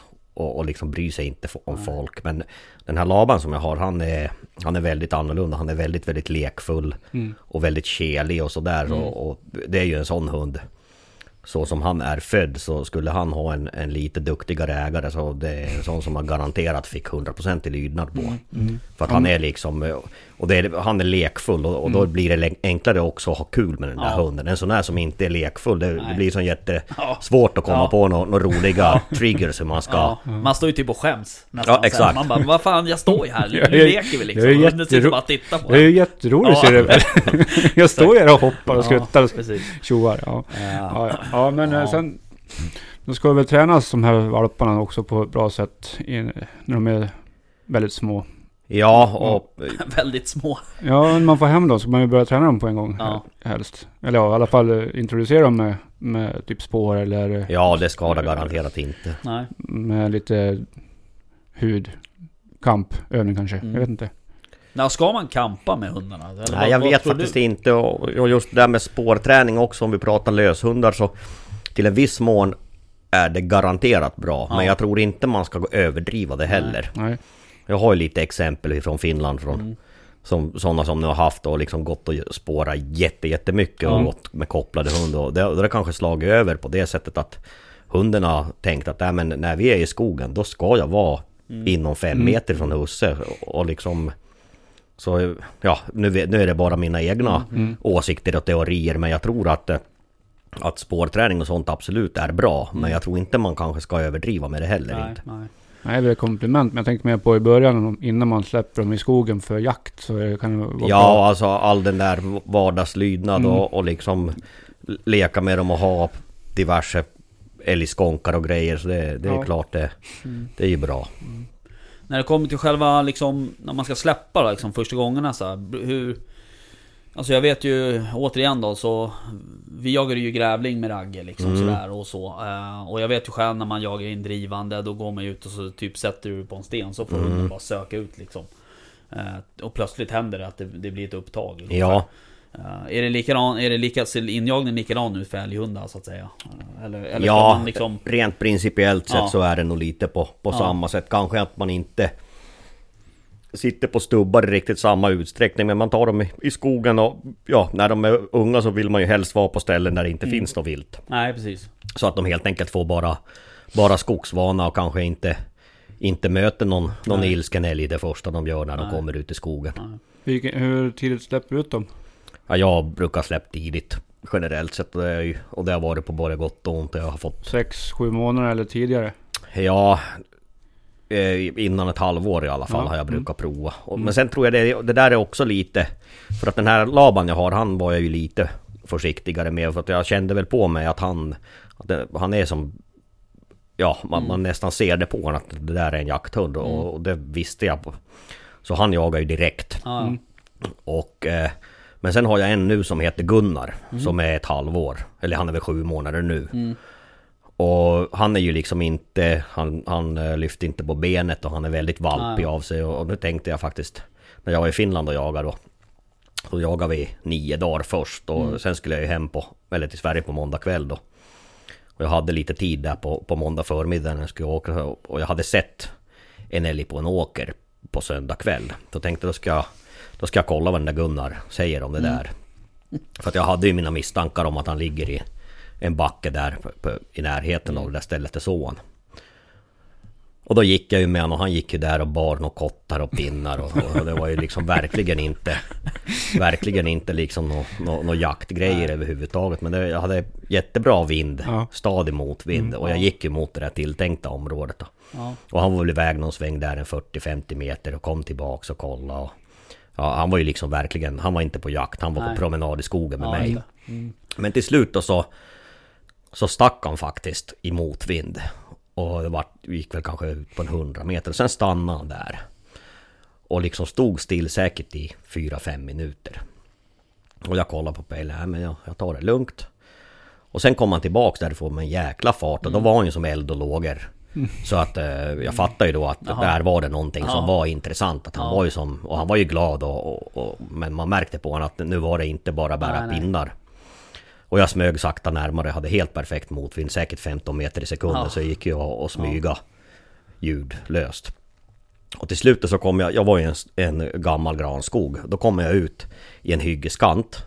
Och då står Gunnar där i hyggeskanten och liksom med öronen uppe och, liksom luktar i vind. Och, och jag fattar ju då att, att Ja. älgarna är där i, i den där lilla planteringen. Ja. Och jag, jag var ju där bredvid, jag stod nästan bredvid hunden och till slut han for som fram och tillbaka sådär och, Ja. och kolla och till slut så började han ju som skälla lite grann Ja. sådär försiktiga, försiktiga skall och det var inte liksom någon, någon riktig skallgivning men det, det var ju lite skällning i Ja, alla fall. Lite gläfs liksom. Ja. Och han var ju triggad som fan och, Mm. och, och for. Och till slut så då, då reser det sig en älg kanske på 15 meter där. Jaha. Så han, han var ju... Och vart ju kvar och, och Gunnar skällde ju bara bättre och bättre. Ja. Och jag var ju, jag kunde ju klappa om och jag stod ju helt bredvid hunden. Ja. Och sen så vart väl den där älgen varse mig till slut och den stack då. Mm. Och med Gunnar efter. Men han var ju inte mer än kanske 200 meter då, och sen kom han tillbaks därifrån. Men det vart nog... Vart nog en bra kontakt för honom. Ja, och, och, och faktiskt en bra lärdom för mig Ja, också att eh, nu vet jag att den där kan jag släppa fortfarande för att han är liksom inte riktigt där än. Nej, jag nej. tror inte han kommer att gå för nära en ilsken älg i ko eller något Nej, sånt. precis. För att jag har ju faktiskt blivit av med, med någon hund också. Mm. I, ja, en var ju fem och en halv månad. Och han vart ju, han vart ju översprungen av Mm. ett vildsvin. Ja. Jaha. Och det var ju, det var ju riktigt tråkigt för att han... Ja, och det var ju givetvis mitt, mitt eget klanteri allting. För att jag var på ett ställe i, i Riala-trakten och, och där, ja det skulle definitivt inte finnas något nå vilt på det där stället. Men eh, ja, det räckte med en gång så det var tack och adjö på en gång. okej. Ja, så att. Ja, det och det var, det var ju en sån som Han hade nog varit väldigt, väldigt jaktmogen. Han var ju Ja. helt tokig redan som Ja. liten så det... Okej. Mm. Jag tänker på, på Gunnar där då, han som är eh, den yngsta du har. Ja, Har du präglat han på, på döda älgar och sådana saker? Eller? inte på döda älgar men eh, vi, vi visar ju lite döda björnar och sånt åt Mm. honom i, i björnjakten. Mm. Men jag har ju tänkt att ja, han får nog vara valp ett tag till. Mm. att jag har ingen, ingen panik med han så. Nej, men hur ser du på det att man tar fram, tar fram dem på döda älgar de är unga liksom så att de känner på? Nej och men ser alltså dem och det, känner doften och sådana saker? det tror jag definitivt är en, en bra grej. Mm. Det är samma med och kanske ännu viktigare när vi pratar om döda björnar och låter Mm. dem spåra fram till sådana som är skjutna. Och, Mm. Så jag tror att all, den typen av prägling är nog bara bra. Ja. Ja. Hur ser du på det här med att, nu, har du, nu har vi gjort det, men, men det här med att, um, att släppa på grävling på sommarhalvåret? Ja men Just alltså det... ståndegenskapernas skull. ståndegenskapen och kanske om man nu ska jaga björn så, så skadar det ju inte att man jagar lite rovdjur. med Nej. dem. Så att det ska vi nog se som ett plus. Mm. Framförallt är det en jävligt rolig jakt. Ja det är roligt det är en faktiskt. trevlig årstid och just nattetid, sommartid är ju trevligt. Mm. Ja, Är det lättare att eh, få djuren att, stå i på natten? det vet jag faktiskt inte. Jag, jag egentligen...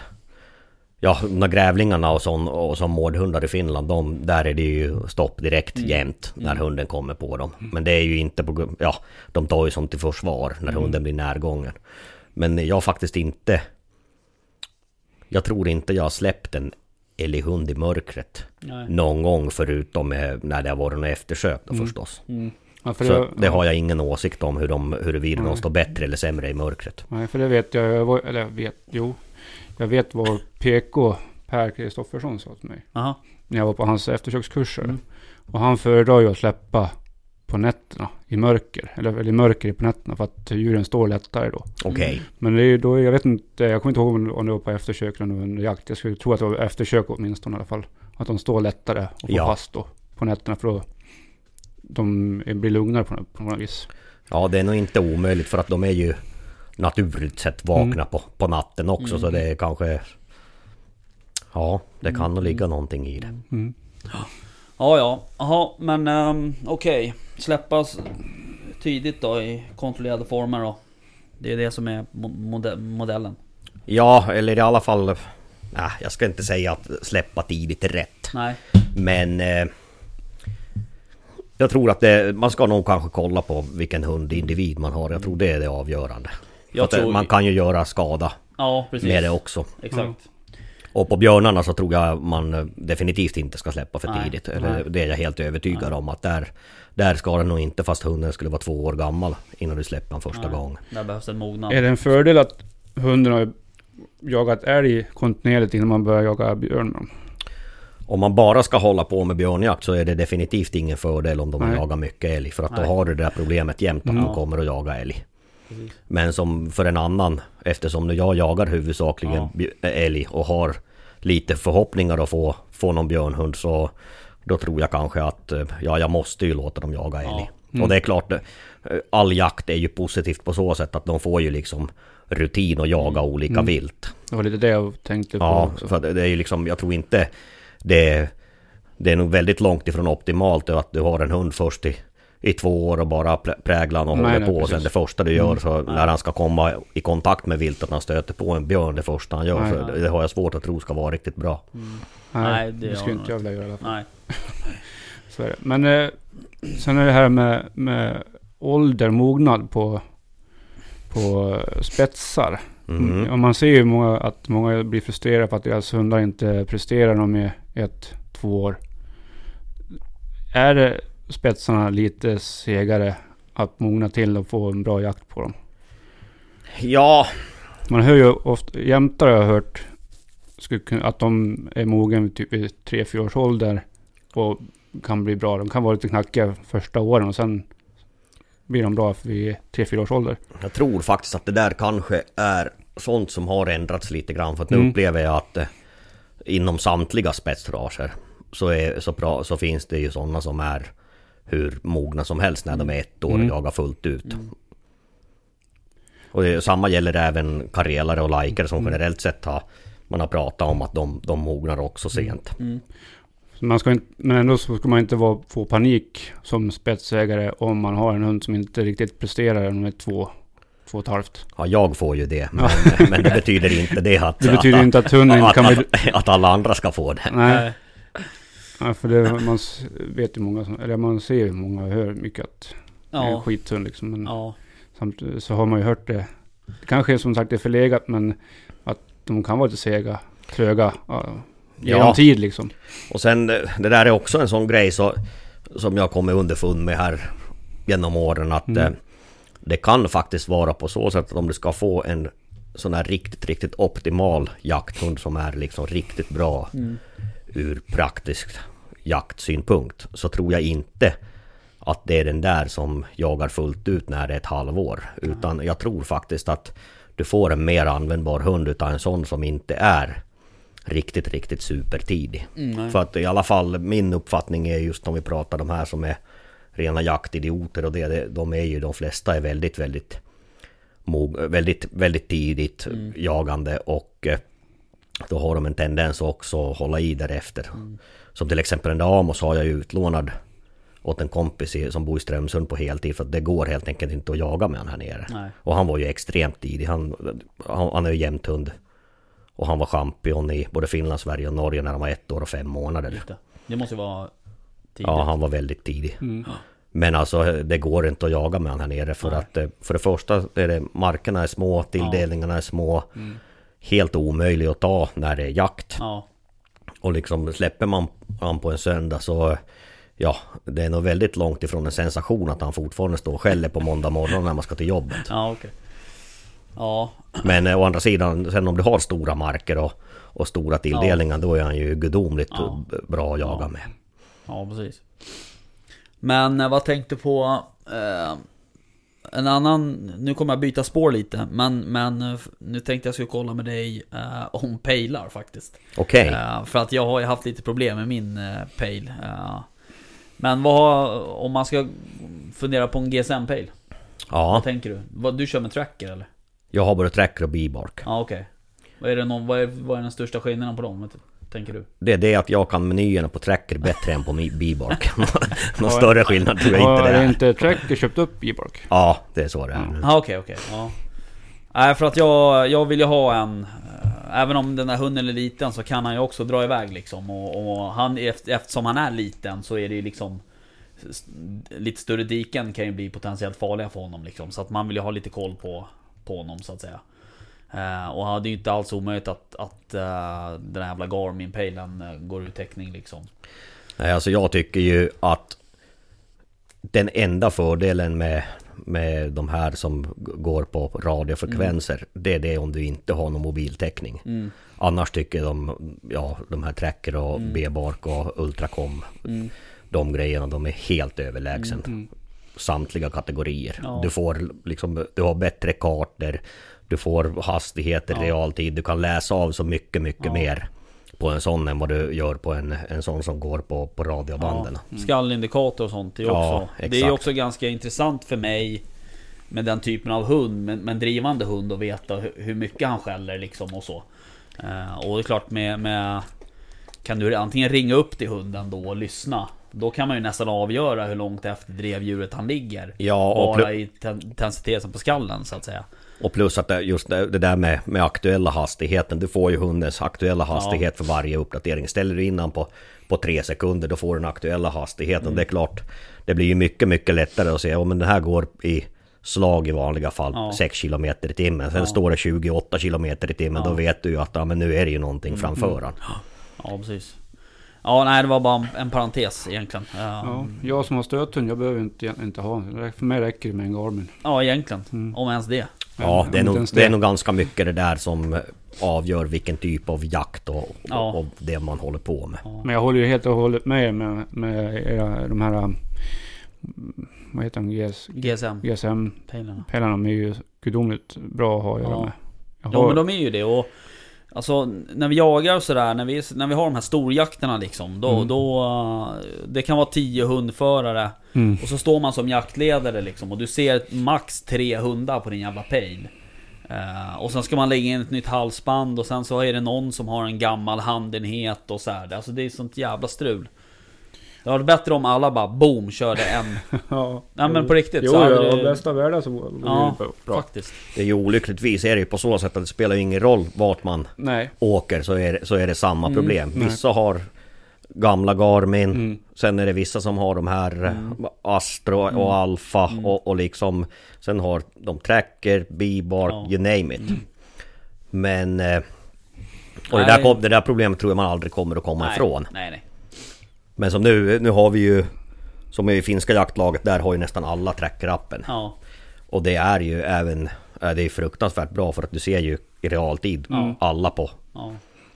Och det ser du i och för sig väl på de här Alfa nu också om man vill det då. Men eh, det, det finns även en sä säkerhetsaspekt i det hela. Ja, Så är det. ju. Absolut. Ja, ja. Jaha, ehm, vi... ehm, Har vi betat av allting? Ja. Känns det som att vi har pratat klart om... ja, alltså det pratar klart och pratar klart. Men eh, om man säger så här då, en, en sista fråga. Eh, om du inte skulle ha gråhund i jämthund. Utan du skulle behöva ha en annan spetshund. Vad skulle du titta åt för ras då? Jag är nog väldigt neutral i, i det där läget och jag har ju... Jag, nästa jag ska ta... Nu fick jag ett sms sent av min son igår kväll. Att han vill ha en tax. Så Yes. det, det blir väl det nästa då. Ja. Men sen kanske hunden efter det så... Ja, jag föredrar ju egentligen att ha avkommor till mina egna. Men Ja. jag har faktiskt tänkt att jag ska prova antingen Östlaik eller också karelare. Mm. Men vi får väl se. Det kan bli vad som helst. Det är ju tillfälligheter som spelar in också. Ja, Vad är det som gör att du vill ha uh, dem annars då? Karelare och östläkare? Nej men, men det, för det första är jag extremt jakthundsintresserad. Jag är Mm. intresserad av all typ av hundar och alla raser. Mm. Och liksom, eh, ja, jag vill ju helt enkelt prova något annat. Mm. Och det är inte, inte på grund av det att jag, de jag har nu, Nej. att jag inte håller dem bra men... Nej. eh, Nej men det kan vara intressant att köra andra hundar självklart. mm. Men du har ju en till också, Hälleforsan. Vad tycker du om den då? Nej, det är också en sån som jag Mm. skulle kunna tänka mig. Mm. Helt klart. Jag tycker karelare verkar vara en intressant hundras faktiskt. Om jag ska vara ärlig. Ja, det är ju också, det är också som med, med likerna. Mm. Det är de här senaste tio åren det har ju skett enorma Mm. framsteg. Att Tidigare pratade man om att raserna som sådana var lite ojämna men nu, Mm. nu är det ju liksom bredd på grejerna. Det är många kullar där det blir hundraprocentiga kullvärden och så vidare. Ja, precis. Och det var inte vanligt för tio år sedan. Nej. Nej. Ja, intressant. Ehm, vi får... ehm, skulle du kunna tänka dig att följa med ner till Sörmland och släppa på marken där nu? Ja absolut kan jag göra det. Det vore kul. Ska vi kunna prova. Ja, ja det vore skitroligt. Om vi får ta på några vildsvin? Ja, precis. Jag har aldrig skjutit vildsvin på ståndskall. Nej, jag har, det var det du var ute efter. Du får Ja, inte men följa. det ska vi nog kunna, kunna ordna här. Ja. Nej, Ja, jag, men- jag följer hellre med på älgjakt på ståndskall. Ja, okej. Ja, jag åker ju faktiskt upp till Dalarna och jagar älg imorgon. Ja, just det. Ja, Ja, Så får vi väl se hur det ska gå då. ja. men du får ju ringa då så kommer jag upp. Exakt, jag kan ringa dig när står blir ståndskall så får, kan du få komma dit och Du är skjuta. Ja, jaktfri. du menar, här. ja, jag vet. Mm. Och om han står där och skäller över natten, det gör ingenting. Då kommer Nej. jag sen. Exakt, då kan du åka dit. Vi ska ju bara jaga fredag, lördag. Då kan du gå dit och skjuta på söndag morgon. Ja, precis. Subarun går i 180. Ja, det är garanterat om man ringer så gör Alltså, det. gör den ju knappt. Det är knappt den håller ihop den här bilen. Ja, men nu, nu, är ni- nu är ni ju hel. Jag vet. 180, det är väl lägsta den går i. Ja, jo det har du rätt i. Jaha, nej men vad kul då. Hörrni, det här kommer bli ett långt avsnitt för jag tänker att vi ska prata om två saker till. Eller vi, men eh, vi ska prata om två saker till. Ja, och då... Eh, dels det här med Naturvårdsverket. Har ni hört talas deras om det? pudel. Deras lilla pudel. Mm. Eh, Jägarförbundet räknade ju Räknade ju på den här tilldelningen på varg. Ja, Du menar att de synar deras bluff? Ja, och då kom, de ju på, Mm. på, kom de ju på att det var ju visst eh, räknat på eh, en, en vårinventering. Ja, alltså de har ju räknat på mig. antalet vargar innan föryngring. Mm, Och det är fel. mm, När man ska göra en tilldelning på vilka, eh, hur många vargar ska få skjutas på licensjakten. mm. Utan det ska vara, de ska göra en eh, uträkning på, på tilltänkt vargstam med föryngring. Eller alltså Mm. efter föryngringen. Mm. Och det hade inte Naturvårdsverket eller ja, de hade skickat fel siffror. Mm. Fel siffror Ja, ja, nu Okej. med situa- innan Till- sit- situationstecken. Ja. till eh, deras forskare. ja. Så att de, eh, ja, Det är så jävla konspiratoriskt Jimmy alltså. alltså men jag har ju noll förtroende från det. Jo jag vet det. Men, men Och hur det som här blir haver ju så... inte, blir ju inte bättre om de håller på så här. Hade de, det här är någon jävla bluff de har, de försöker. De har ju försökt. de har försökt Nej jag och ska sen inte att säga ingen, så. Men, men man hoppas får ju på den att ing- känslan lite. de hoppas på att ingen ska syna deras bluff. Men nu är det någon som har gjort det i alla fall. Ja. Eh, Svenska Jägareförbundet. Ja. Så att nu ska de ju räkna om eh, vad tilldelningen ska bli på licensjakten. Ja, vi För det var ju 24 vargar från början. Ja, vi får väl se om det kanske vi blir får 26 se. nu då. Ja exakt. Så det blir väl några till då kanske. Ja. Ja för att alltså det, det är ju ganska avgörande. Det är Ja, ändå det en stor skillnad Mm, på, det är jättestor skillnad. Mm. Men sen vet jag inte, för jag tror ju att det är väl egentligen så där det har varit förra om åren också. Absolut. Att man har räknat på, Mm. på den där siffran. Och, Exakt. och det är ju, jag tycker ju också det är helt, det är ju helt vansinnigt. För Mm. att det, det ger ju faktiskt inte... Ja, du får ju inte svar på de, de riktiga siffrorna. Nej. Så Nej, precis. har Gunnar tänkt, han har tänkt till. Ja, och äntligen så fick de väl kanske krypa till korset. Ja, men han säger ju det den här um, Jens Jens, Andersson. Andersson, där Mm. att, att han tyckte det var bra att, att Jägareförbundet hittade det här felet. Ja. Eh, jag tycker att det är lite lustigt sådär att, att en myndighet ändå Alltså Och han säger ju det också så här, ja men jag tänkte inte på att det var så och forskarna tänkte inte på det heller liksom men Ja. Alltså det, det får, alltså nu är det inte nu, nu, nu kanske man får skit för det här men, men det är liksom en sån banal sak som en vargjakt Förstår du? Alltså det är inte så att det handlar om Om barncancer liksom utan det, det är liksom en ganska simpel grej Det borde man inte liksom göra fel på utan det borde liksom bara ske på rutin att man gör rätt på något sätt ja, det beror väl på vilken agenda de kör Jo, efter. om man nu ska dra åt det Ja. hållet så är det ju så såklart Men, Mm. men jag förutsätter att de är ändå forskare De har ju någon typ av professionalitet liksom på något sätt Antar jag Eh, Eller det kanske Du är jag så inte ska naiv. förutsätta Du är så naiv i den här frågan. Nej men man får ju lita på folk, det är ju det som är grejen Ja men de här kan man inte lita på. Det, nej, det kan man inte. Nej, det är nog jäkligt komplicerade Ja. frågor allt det där. Och liksom... Ja. Och det är ju exakt samma sak på, på finska sidan. Det är Ah, ju en sån Mm. cirkus så det saknar motstycke. Ja, okej. Norge känns som man har lite bättre koll, men de... eh, Ja, det är väl en cirkus där också. Det är mycket överklagande. Men de, De har de ju- försöker ju ändå få... Nu hade väl i och för sig Naturvårdsverket godkänt någon ja- gränsjakt va? Ja, mot Värmland. Ja precis Mm. Sen har ju Norge ett lite annat utgångsläge i och med att de inte är EU-medlemmar. Det är ju mycket som styrs ifrån Bryssel i både Finland och Sverige. Mm. Medan Norge inte behöver ta hänsyn till, till deras Nej. regler och, och bestämmelser. Nej. Nej precis Och som nu, nu kom de ut i Finland med den officiella siffror varje vad det var. Det var väl runt, ja kan det ha varit 200 eller 250 och det är ju exakt samma sak som i, i Sverige att det är många som uppskattar den stammen som tio dubbelt större Ja. än, än vad, vad de officiella siffrorna säger och Ja.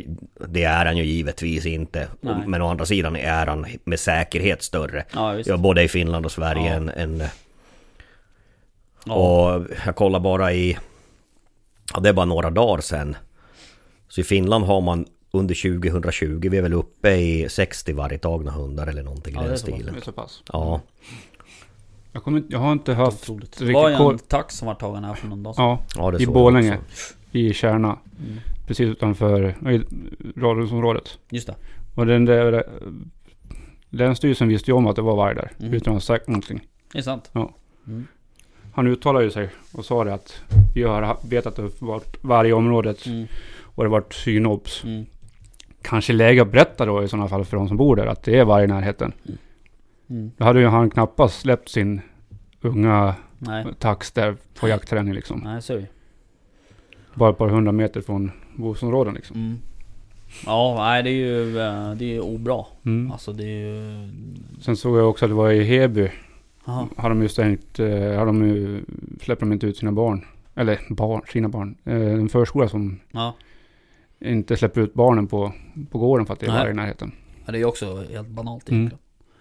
Det är jättekonstigt Eh, Det, Faktiskt Men, ehm, ja okej Ehm, så det är... Sen var det ju, Mm. det var ju också en, den här dvärgpinchen vart ju tagen i Värmland eller vad det var Ja just det. Jo, den Och den var väl i koppel, eller?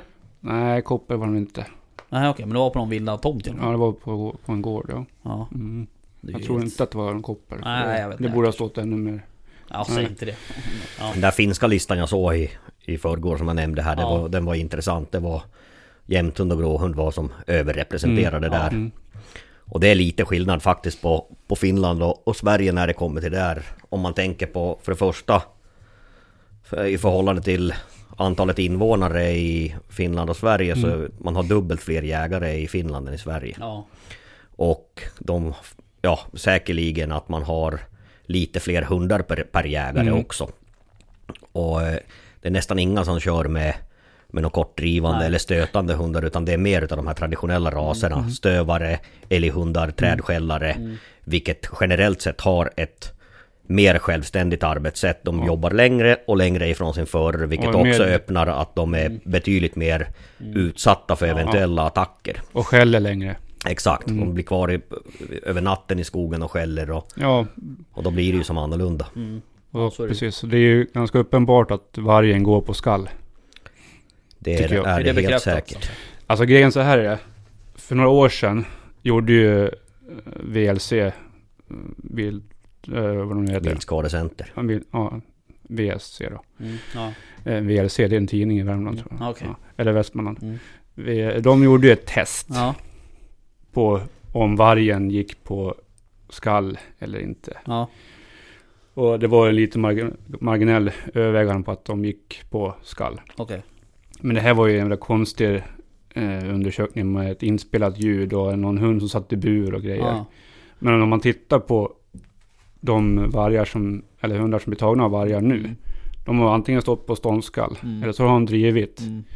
Och så att, ja, det har ju alltid varit, de har ju hållit på med någonting annat när vargen har sökt upp hunden. Och inte som mot, motsidan säger att Mm. hunden söker upp vargen oftast. Nej men alltså det, då har man ju foliehatt om man tror det. Varför skulle, alltså va? Det, är det folk, säger folk det? Ja, ja. Jaha okej. Ja. ja men det är ju de...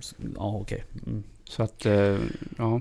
Ja, nej men det där är ju... ehm, vi får se, vi får bjuda hit eh, Gunnar eh, Gyllersen kanske. ja prata lite vargar. framåt, framåt vargar. Uh, nyår. Vi pratade ju med Daniel Ligné här för Mm. några veckor sedan. Mm. Det var intressant. Ehm, ja okej. Ehm, du en annan grej som... Vad Som vi har gjort. Vad är den andra du ska prata om? Ja nu är det punkt nummer två. Okej. Eh, det kommer gå snabbt. Men eh, det ehm, nej men det är det här med... eh, vi pratade om det lite förra avsnittet, det här med Patreon. Ja. Nu har vi faktiskt fått igång den. Ja.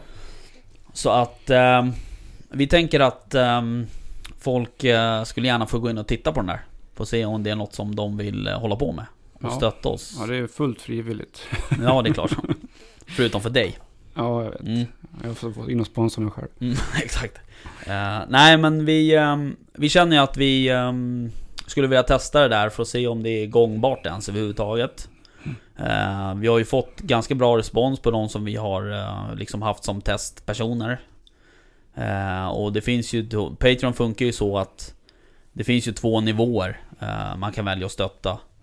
En för, eller vi har i och för sig tre nivåer, men om vi tar de två första egentligen som är de aktuella är ju den på för 5 euro är det va? Mm. Eh, och en för 10. Eh, och då får man lite olika eh, liksom grejer för att stötta på de olika nivåerna. Eh, man får en mugg och en mugg och en caps och lite sådär. Ja. Och eh, man får även eh, typ vara med på extra utlottningar Mm. på priser. Vi tänker ju... Vi, ja precis. Vi tänker ju att vi ska köra... Alltså målet med det där det är ju att kunna köra lite roligare tävlingar helt enkelt. Ja, men ska vi, klara, vi ska ju säga det också att vi kommer fortfarande att sända den här podden helt gratis som vanligt. Ja, alltså allting kommer ju fortsätta som vanligt. Ja. Utan det är en ren... Om folk gillar det vi gör så är det en, en, ett sätt att stötta. Ja. Eh, allting kommer ju fortfarande vara... eh, vara gratis på Spotify och Acast och, och iTunes och Ja, vi kommer att köra tävlingar som vanligt också. Utan, om man Patreon... Ja, så det blir annorlunda tävlingar på ja, Patreon precis. det ja, För där, där eh, och, och går man med Patreon till exempel på den här första nivån Då får man ju en lott Mm. eh, på, i, i, i en kommande tävling Mm. Eh, Och då har du ju faktiskt liksom eh, Sponsrat med någonting för att få den här lotten Mm. Därför kommer ju med största sannolikhet kommer ju tävlingarna på Patreon att vara Lite större än vad de kommer vara på typ Instagram eh, Antagligen Mm. Men det jag skulle säga var också att Går man med och tar den num- nivån nummer två Då kommer man ju också få tillgång till extra avsnitt eh, Som vi kommer sända Mhm. Mm. och spela in Mm. Eh, hur de kommer yttra sig, det vet vi inte riktigt ännu. För det här är ju nytt för oss också. Eh, och den där...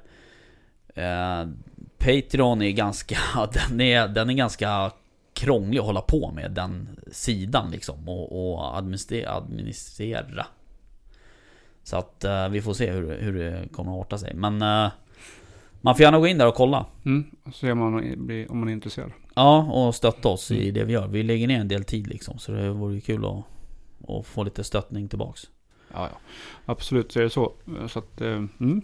Det uppskattas om någon vill göra det. Ja, absolut. Eh, vi pratade ju med... Vi har ju haft det här på test med några stycken. Eh, och några av dem har ju sagt att just, just det här med att du vet, bli... eh, Alltså, och, och stötta per månad har ju varit lite en issue hos vissa. Mm. Eh, och så de, de har ju då eftersökt typ som en engångsgrej. Mm. Alltså en, en Ja, som en, men, ja, en engångs liksom, gåva eller vad man ja, ska säga. precis. Ja. Eh, Så det är någonting vi håller på att kolla på. För det är inte helt enkelt heller att få till. Eh, Alltså det finns ju lite olika modeller för det där med Swish och, och sådana här saker. Men, men jag vet inte om... Alltså vi måste ju också vilja gå den vägen, det är ju det. Men- ja, vi vill ju utveckla oss. Ja, alltså det är därför vi gör det. Ja, Eh, hur som haver så oavsett hur det går med det där egentligen så kommer det ju fortfarande att rulla på som vanligt. Ja, ja, absolut. Eh, Men vi kommer länka Det till... blir bara en liten extra grej.